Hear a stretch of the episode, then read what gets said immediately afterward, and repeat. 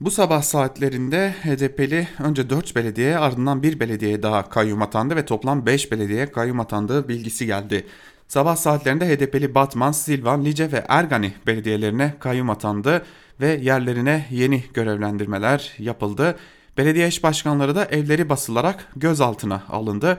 Günün ilerleyen saatlerinde ise Diyarbakır'ın Eğil ilçesinden bir haber geldi ve Diyarbakır'ın Eğil ilçesine de kayyum atandığı ve eş başkanın gözaltına alındığı bilgisi geldi sevgili dinleyenler. Belediyeler ablukaya alındı. Belediye önündeki caddelerde trafik kapatıldı ve belediye içerisindeki aramalar başlatıldı. Evet toplamda bugün itibariyle HDP'li 5 belediye daha kayyum atandı. HDP 31 Mart yerel seçimlerinde 3'ü büyükşehir, 5'i il, 45 ilçe ve 12 belde olmak üzere toplam 65 belediye kazanmıştı. Son kayyum atamalarıyla birlikte HDP'nin 3 büyükşehir, 2 il ve 30 ilçe ile 3 belde belediyesine kayyum atanmış oldu sevgili dinleyenler. Evet bu haberi de böyle aktaralım ve geçelim diğer haberlerimize koronavirüs haberlerine. Ve elbette güne başlarken biraz dün geceye dönmek gerekecek. Zira dün gece yine yeni ölüm ve yeni vaka sayıları açıklandı. Ee, yine dünyanın farklı yerlerinden haberler vardı. Bunlara geçeceğiz ama ilk olarak e, Sağlık Bakanı Fahrettin Koca'nın artık gelenekselleşen ve e, artık saat 12'ye varmadan önce ilk defa yapılan açıklamasını aktaralım sizlere. Sağlık Bakanı Fahrettin Koca yaptığı son açıklamada Türkiye'de koronavirüsü salgını sonucu hayatını kaybedenlerin sayısının 30'a yükseldiğini açıkladı. Ancak açıklamadaki en dikkat çekici husus belki de test sayılarına ilişkindi. Test sayılarında dikkat çekici bir düşüş yaşandığını görmek mümkün. Sağlık Bakanı Fahrettin Koca'nın açıklamalarında Bakan Koca bugüne kadar toplam 20.345 test yapıldı. 1236 tanı kondu. Hepsi yaşlı 30 hastamızı kaybettik. Hastalık ülkemizde yokken yok dedik. Şimdi gün gibi durumu açıklıyoruz. Şeffaflığımızla sizi tedbire de davet ediyoruz. Tedbirli olalım. Bu ülke bu tehdide yenik düşmeyecek dedi. Tabi e, oranladığımız zaman Sağlık Bakanı Fahrettin Koca'nın açıklamalarını dünden bu yana sadece aslında önceki günden düne kadar yani bakanın açıklamasına kadar geçen sürede 1780 civarı test yapıldığını görüyoruz. Bu da test sayılarındaki düşüşü e, dikkatli bir şekilde incelememiz gerektiğini söylüyor. Yine dün akşam İçişleri Bakanı Süleyman Soylu'nun bir açıklaması vardı. Maske fiyatlarına ilişkin bir açıklaması vardı. Maske stoklarına ilişkin de bir açıklaması vardı aynı zamanda. Bakan Soylu 10-12 saat süreleri var dedi stokçular için ve eğer bu 10-12 saatlik süre içerisinde ellerindeki maskeyi ortaya çıkarmaz ve piyasaya sürmezlerse gerekirse fabrikalarına el koyarız Buna da yetkimiz var dedi. Yine Süleyman Soylu tabii ki e, bu açıklamayı yaparken e, provokasyon söylemlerini de kullandı ve provokasyon söylemleri ağırlıklı olarak Almanya ve ABD merkezli şeklinde bir değerlendirmede de bulundu. Tabi son günlerde özellikle yandaş medyada Türk Tabipleri Birliği'nin hedef gösterildiğini çok açık bir şekilde görüyoruz. Başta Yeni Şafak ve Yeni Akit olmak üzere birçok e, yandaş gazete ve yandaş gazetenin kalemşörleri Türk Tabipleri Birliği'ni hedef gösteriyor.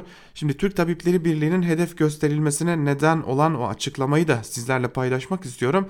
Zira Türk Tabipleri Birliği e, Sağlık Bakanlığı'na ve tüm yetkililere 19 e, soru yöneltti ve bu 19 soruya cevap istedi. Bu 19 soruya cevap istenmesinin ardından da Türk Tabipleri Birliği'nin hedef gösterildiğini görüyoruz. Peki 19 soru neydi? Hemen sizlere kısaca o soruları da aktaralım. Tanısı doğrulanmış olguların ikamet ettikleri il ve ilçelere göre yaş ve cinsiyete göre dağılımları nasıldır? Tanısı doğrulanmış olguların yurt dışı temas öyküsü ülkelere göre nasıl bir dağılım göstermektedir? Bugün itibariyle ülkemizde kaç ilde ve kaç merkezde test yapılmaktadır? Bugüne kadar günlere göre her bir tanı tarama testinden toplam kaç adet, adet yapılmıştır? Bugünden itibaren yurt çapında günde kaç adet yapılması planlanmaktadır? Günlere göre her biri tanı tarama testi tipi için pozitif sonuçlanan test sayısı kaçtır? İlk testi negatif olup ikinci test yapılanlarda pozitiflik oranı nedir? Kaç tip tanı tarama testi kullanılmaktadır? Hastaların başvurusu ile testlerin sonuçlanması arasındaki süre nasıldır? Tanısı doğrulanmış olgulardaki bulguların dağılımı nasıldır? Tanısı doğrulanmış olguların ne kadarına akciğer grafisi ve veya bilgisayarlı tomografi yapılmıştır? Pozitif görüntüleme bulguları ile tanının doğrulanması arasında ne kadar süre vardır? Bugün itibariyle illere göre tanısı doğrulanmış ya da olası kuşkulu COVID-19 hasta yatırılan hastane sayısı kaçtır? Tanısı doğrulanmış olgularda bugüne kadar hangi ilaçlar kullanılmıştır? Bu ilaçlarla tedaviye yanıt oranı nedir? Tedavide kullanılması olası ilaçların yurt çapında miktarı ve illere göre sayısı nedir? Bakanlığınızın öngördüğü hasta sayısı ve ihtiyaca göre bu ilaçların mevcut stokları yeterli midir? Hasta sayısındaki logaritmik artışın diğer ülkelere göre daha, daha keskin olduğu dikkate alındığında yurt çapında illere göre yoğun bakım ünitelerindeki yatak ve ventilatör sayısı nedir? Tanısı doğrulanmış kaç sağlık çalışanı bulunmaktadır? SARS-CoV-2 pozitif sağlık çalışanlarının saptanmaması hastalığın diğer sağlık çalışanlarına, hastalara ve sağlık çalışanlarının sosyal çevresine yayılmasını kolaylaştıracaktır. Bugüne kadar kaç sağlık çalışanına test yapılmıştır?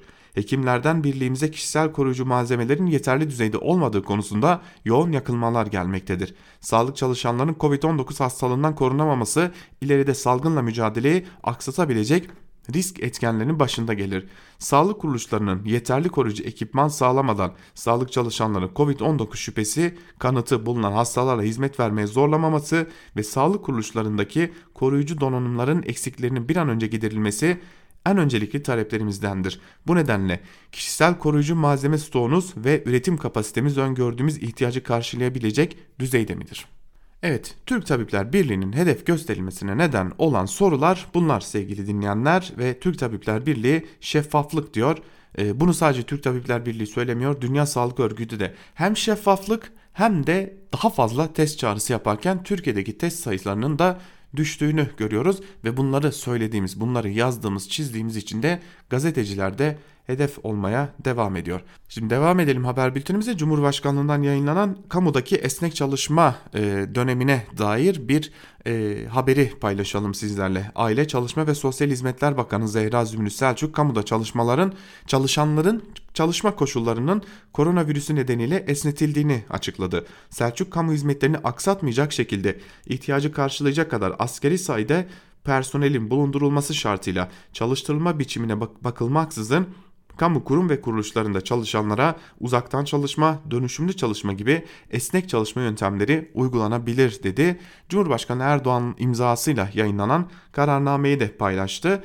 Artık e, özetleyecek olursak kamu personelleri belli aralıklarla işe gidecekler, dönüşümlü olarak işe gidecekler ve dönüşümlü olarak işe gitmeyenler de e, yani bu dönüşümlü sürede işe gitmeyecek olanlar da idari izinli sayılacaklar. Yani yıllık izinlerinden düşülmeyecek bu izinde.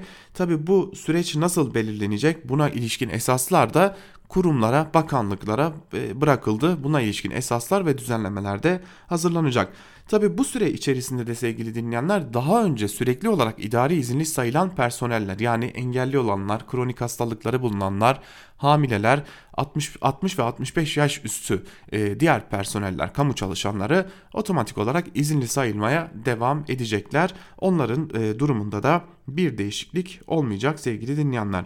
Bu arada Almanya'dan bir haberle devam edelim. Almanya Başbakanı Angela Merkel'in cuma günü bir doktorla görüştüğü ve daha sonra o doktorun koronavirüs testinin pozitif çıktığı açıklandı. Almanya Başbakanlık Sözcüsü Merkel'in bu nedenle tedbir amacıyla kendini karantina aldığın, altına aldığını duyurdu. Merkel dün bir basın toplantısı düzenlemiş ve ülke genelinde iki kişiden fazla toplanmaların yasaklandığını da açıklamıştı. Tabi can kaybının en fazla olduğu ülkeye gidelim, İtalya'ya gidelim. İtalya'da koronavirüs salgını nedeniyle sadece dün itibariyle 651 kişi hayatını kaybetti. Bununla birlikte ülkede virüsten ölenlerin sayısı 5476'ya yükseldi. İtalya Avrupa'da salgın nedeniyle en çok can kaybının olduğu ülke olarak da biliniyor. Yine yurt dışından bir açıklama ancak biraz da bizimle ilişkili bir açıklamayla devam edelim. Suudi Arabistan Sağlık Bakanlığı Pazar günü ülkede toplam 199 yeni koronavirüs vakasının tespit edildiğini açıkladı. Bakanlık bu vakaların 72'sinin umre ziyareti için Mekke'de bulunan Türkiye vatandaşları olduğunu ifade etti. Bu kişilerin geçen hafta virüse yakalandığı tespit edilen bir kişiyle kaldıkları otelde temasta bulunduklarının belirlendiği açıklandı. Suudi Arabistan Sağlık Bakanı Sözcüsü El Abdel Ali Mekke'de bulunan 72 hastanın durumlarının iyi olduğunu ve hasta karantina merkezinde tedavi edildiklerini söylemişti. Son açıklamayla birlikte Suudi Arabistan'daki Covid-19 yani yeni tip koronavirüs vaka sayısı da 511'e yükseldi. Yunanistan'da ise sokağa çıkma yasağı ilan edildi. Gazeteci Çağdaş Kaplan'ın Atina'dan aktardığı bilgilere göre. Koronavirüsü nedeniyle yaşamını yitirenlerin sayısı 15'e, vaka sayısı ise 624'e yükseldi. Yunanistan'da koronavirüsü nedeniyle sokağa çıkma yasağı ilan edildi. Başbakan Kyriakos Mitsotakis bugünden itibaren mecburi olarak işe gidenler haricinde sokağa çıkma yasağı uygulanacağını açıkladı. Eczane, market ve fırından ihtiyacını gidermek için sokağa çıkacak olanların da bir internet adresinden form doldurmaları ya da 13 033'e ücretsiz SMS atmaları gerekecek. Yasak 6 Nisan'a kadar sürecek. Zorunlu olarak çalışanlara iş yerlerinden belgeler verilecek ve bu belgeler ile işe gidiş gelişlerinde kolaylıklar sağlanacak. Bir araçta sürücü dahil en fazla 2 kişinin bulunmasına izin verilecek. Yunanistan polisinden yapılan açıklamaya göre sokaklar veya caddeler drone ve helikopterlerle izlenecek. Yasa uymayıp izin belgesiz evden çıkanlara da 150 euro tutarında para cezası kesilecek. Şimdi tekrar Türkiye'ye dönelim ve medyadan bir utanç haberiyle devam edelim. Demirören yayın grubuna bağlı olan CNN Türk adlı kanal korona tedbirleri kapsamında haber merkezinde çalışan muhabir ve kameramanlara içeri giriş yasağı getirdi. Türkiye Gazeteciler Sendikası İstanbul Bağcılar'daki bina önüne konteynerlar konulduğunu, muhabir ve kameramanların bu alanda çalışmaya zorlandığını duyurdu. Hatta muhabirlerin tuvaleti kullanmasına dahi izin verilmediğini duyurdu. Medyadaki bu rezili rüsva durumu da aktarmış olalım. Tabi biliyorsunuz artık Türkiye'de de 65 yaş ve üstü e, kişilere sokağa çıkma e, kısıtlaması getirildi. Tabi buna ek olarak bu kişilere ek olarak aynı zamanda e, kronik hastalıkları bulunanların da sokağa çıkmamaları gerektiğinin de altı çizildi İçişleri Bakanlığı tarafından. Bir diğer önemli konu ise cezaevleri sevgili dinleyenler. E, cezaevlerine ilişkin olarak da şunu aktaralım. E, önemli bir e, durum var.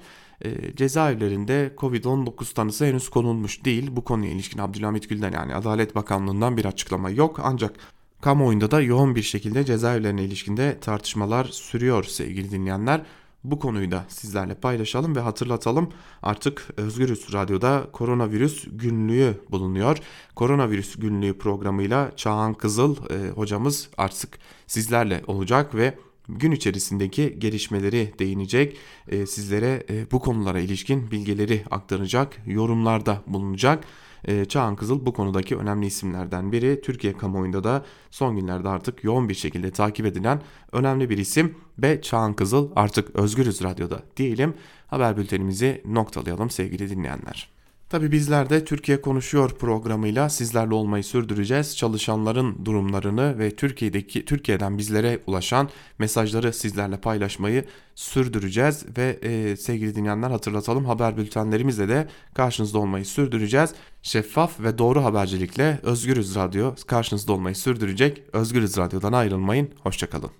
Özgürüz Radyo'dan ve Özgür Haber'den merhaba sevgili dinleyenler. Malum korona günlerinden geçiyoruz. Haber bültenimizde ağırlıklı olarak bu bilgilere yer vereceğiz ancak şimdi ilk haberle başlayalım. HDP'li 4 belediyeye kayyum atandı haberiyle başlayalım. Evet bugünlerde yani e, çok farklı günlerden geçtiğimiz bu günlerde HDP'li belediyelere kayyum atandı sevgili dinleyenler.